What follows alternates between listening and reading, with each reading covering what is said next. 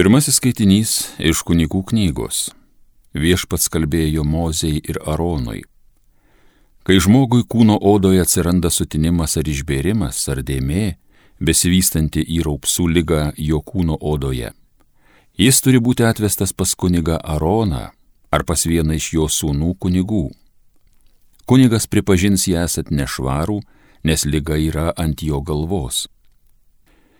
Kiekvieno raupsų lyga sergančio drabužiai turi būti suplyšę ir galvos plaukai sutaršyti. Jis turės prisidengti burną ir šaukti nešvarus, nešvarus. Visą laiką, kol bus raupsuotas, jis bus nešvarus. Būdamas nešvarus, jis turi gyventi atskirai, jo gyvenvietė turi būti už stovyklos. Tai Dievo žodis.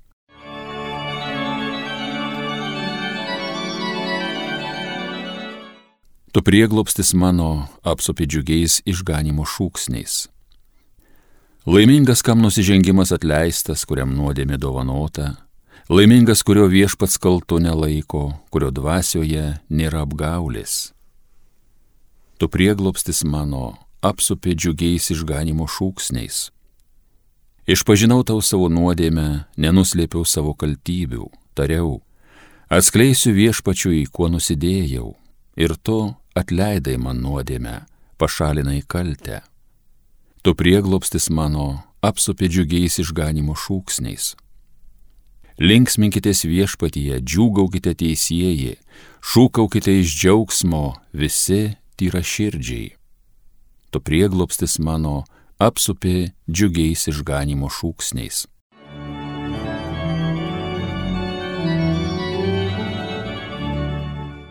Antrasis skaitinys iš Šventojo Paštalo Pauliaus pirmojo laiško korintiečiams. Broliai ir seserys. Ar valgote, ar geriate, ar šiaip ką darote, visą darykite Dievo garbiai. Nepiktinkite nei žydų, nei graikų, nei Dievo bažnyčios, šitaip ir aš stengiuosi visiems visko patikti, ieškodamas ne savo naudos, bet to, kas naudinga daugeliui, kad jie būtų išgelbėti. Sekite mano pavyzdžiu, kaip ir aš seku Kristumi. Tai Dievo žodis. Alleluja, alleluja, alleluja. Didis pranašas atsirado tarp mūsų ir Dievas aplankė savo tautą.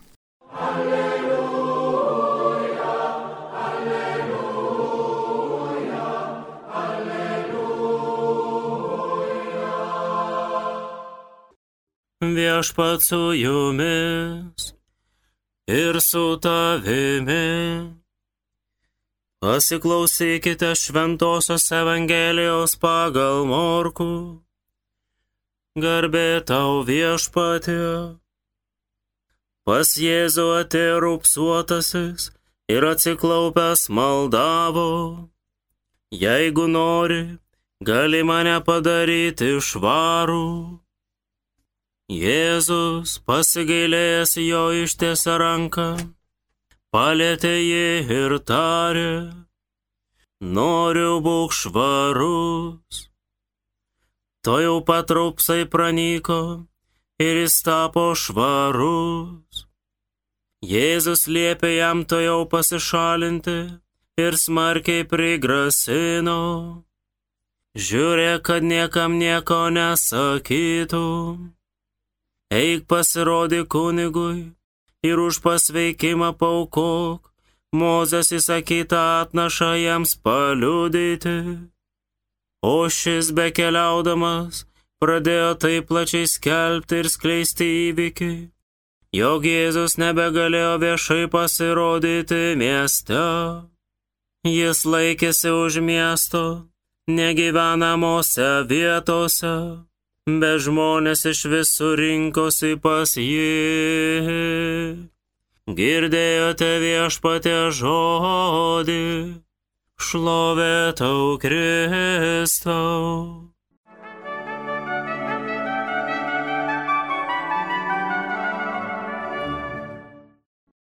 Mėly Marijos radio klausytojai, noriu būk tyras tie Jėzaus žodžiai šiandien skambami mums visiems.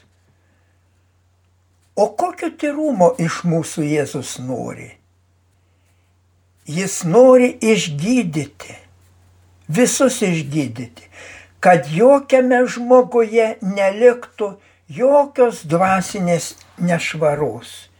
Šiandiengi pasaulinė ligonių diena. Dievo žodžiai šiandien pasakoja apie baisiausią pasaulio lygą, kuriai nebuvo jokio gydimo, jokių vaistų. Tai raupsai. Ko gero pati nešvariausia pasaulio lyga. Gyvas kūnas pūna, dvokia, krinta gabalais, kirmelės ropoja. Dėl dvokimo negalima prie jo neartintis, nes užima kvapą. Baisiausia, kad toji lyga labai užkrečiama, o užsikrėtus tik mirtis, baisiuose kančiuose pūvant kūnui. Kokie panašus dvasiniai raupsai. Nuodėmės, ypač netirumo nuodėmė, paleistuvystė tiesiog supūdo žmogaus dvasę. Iš žmogaus dvasios lieka tik dvasios grįvėsiai. Todėl Jėzus ir šaukia, būk tyras, noriu. Tyrumą, nepasidavimą nedorybei Jėzus labai vertina. Juk esate girdėję, jis sako, palaiminti tyra širdžiai jie regės Dievą. Ir dar žemėje girdime apie šventuosius, kad jie tikrai mato Dievą, jie turi regėjimus. Labai taikliai dramaturgas Bernardas Šau vaizduoja šventosios Žanos dark tyrumą Štai renkasi bernai, pilni nepadorių fantazijų, blevizgų, kalba šlikščiausiais žodžiais. Ir štai įeina Joana. Nebegirdėti jokios šlikštynės, nebenuskamba net joks grubus keiksmas. Kokia paslaptimi pasižymėjo Joana, kad prie jos nutyla ir šlikščiausios fantazijos. Tokią paslapti turėjo ir pulkininkas Jėgoras Rostanevas, kurį Dostojevskis aprašo romane Stepančikovo kaimas ir jo gyventojai. Dostojevskis rašo apie šį tobulą žmogų, niekam neprieštaraujantį, viską ištveriantį, viskam pasiruošusi. Sunku įsivaizduoti žmogų, labiau už jį viskam pasiaukojantį. Jei kas sugalvotų paprašyti jį, kad neštų ant savo pečių du varstus, tai jis nuneštų ir dešimt varstų. Ir buvo pasiruošęs bet kam prašančiam atiduoti ir paskutinius marškinius. Na, o dvasios tokios tyros, kaip nekautas vaikutis, nors buvo jau 40 metis. Visada linksmas, visus laikė angelais, o save kaltino kitų trūkumais ir nedorybėmis. Jis mane, kad tie kitų trūkumai kyla iš jo klaidų. O gerasias kitų savybės jis matė ir ten, kur rodos apskritai jų ne negalėjo būti. O tyrumas jo toks, kad gėdėjosi kitame žmoguje, ką blogo pastebėti.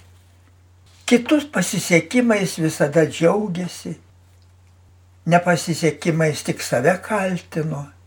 Žvelgi į Jėgorą Rostanevą ir matai jo asmenybės tą ypatingą tyrumą ir šventumą.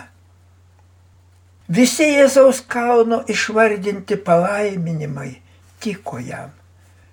Palaiminti liūdintis, palaiminti taikieji, palaiminti aukstantis ir trokštantis teisybės, palaiminti gailestingieji, palaiminti tiraširdžiai, palaiminti taikdariai persekiojami kai tave niekina ir meluodami visai šmeižia, tu palaimintas. Turime dėkoti Dostojevskiui, kad jis mums papasakojo apie daugelį tyrųjų ir kad tie jo tyrėjai sukelia mums šventą pavydą ir skatina tokiais būti. Štai Dostojevskio romanas Idiotas. Nastasija Filipovna švenčia jubiliejų, gimtadienį. Ten toks ištvirkelis Ferdiščenko pasiūlo žaidimą. Kiekvienas dalyvis turi papasakoti apie bjauriausią, šlikščiausią savo gyvenimo poelgį. Vienas kuklus jaunuolis sako, betgi yra šlikščių dalykų, kurių negalima pasakoti moteriams girdint. Ir Nastasija griežtai atmeta tą žaidimą. Kodėl yra dalykų, kurių negalima prieš kitą žmogų atskleisti? Kartais to neleidžia ir kitos jausmas. Nes net yra žmogus gėdisi save parodyti taip ir nepasakoja savo nuodėmių. O nuodėmė visada turi daug netirumo. Todėl taip sunku išpažinti savo netirumą, net išpažintyje. Velnes tada iš mūsų atima drąsą, gėdimnamis išpažindami savo netirumą, nors tą daryti nesigėdinome. Kas tai yra? kad taip gėdimės. Tai savanaudiškumas, nesažiningumas ir melagystės, ir fantazijos, ir geidulingumas tarsi sukausto žmogų.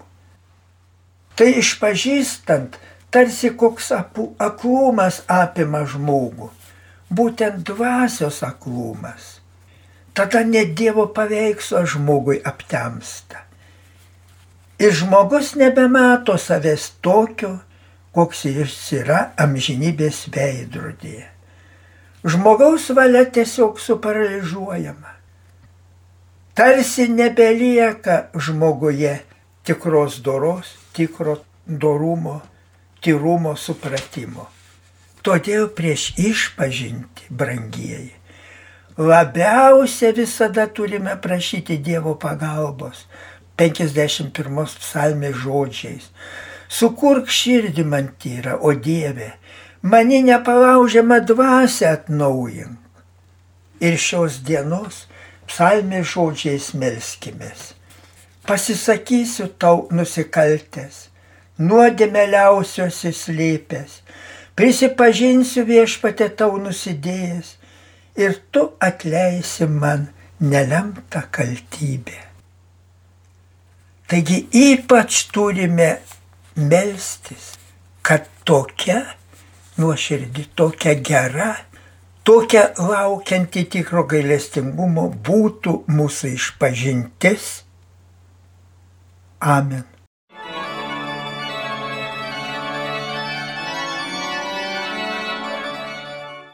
Homilyje sakė panevižio vyskupas emeritas Jonas Kauneckas.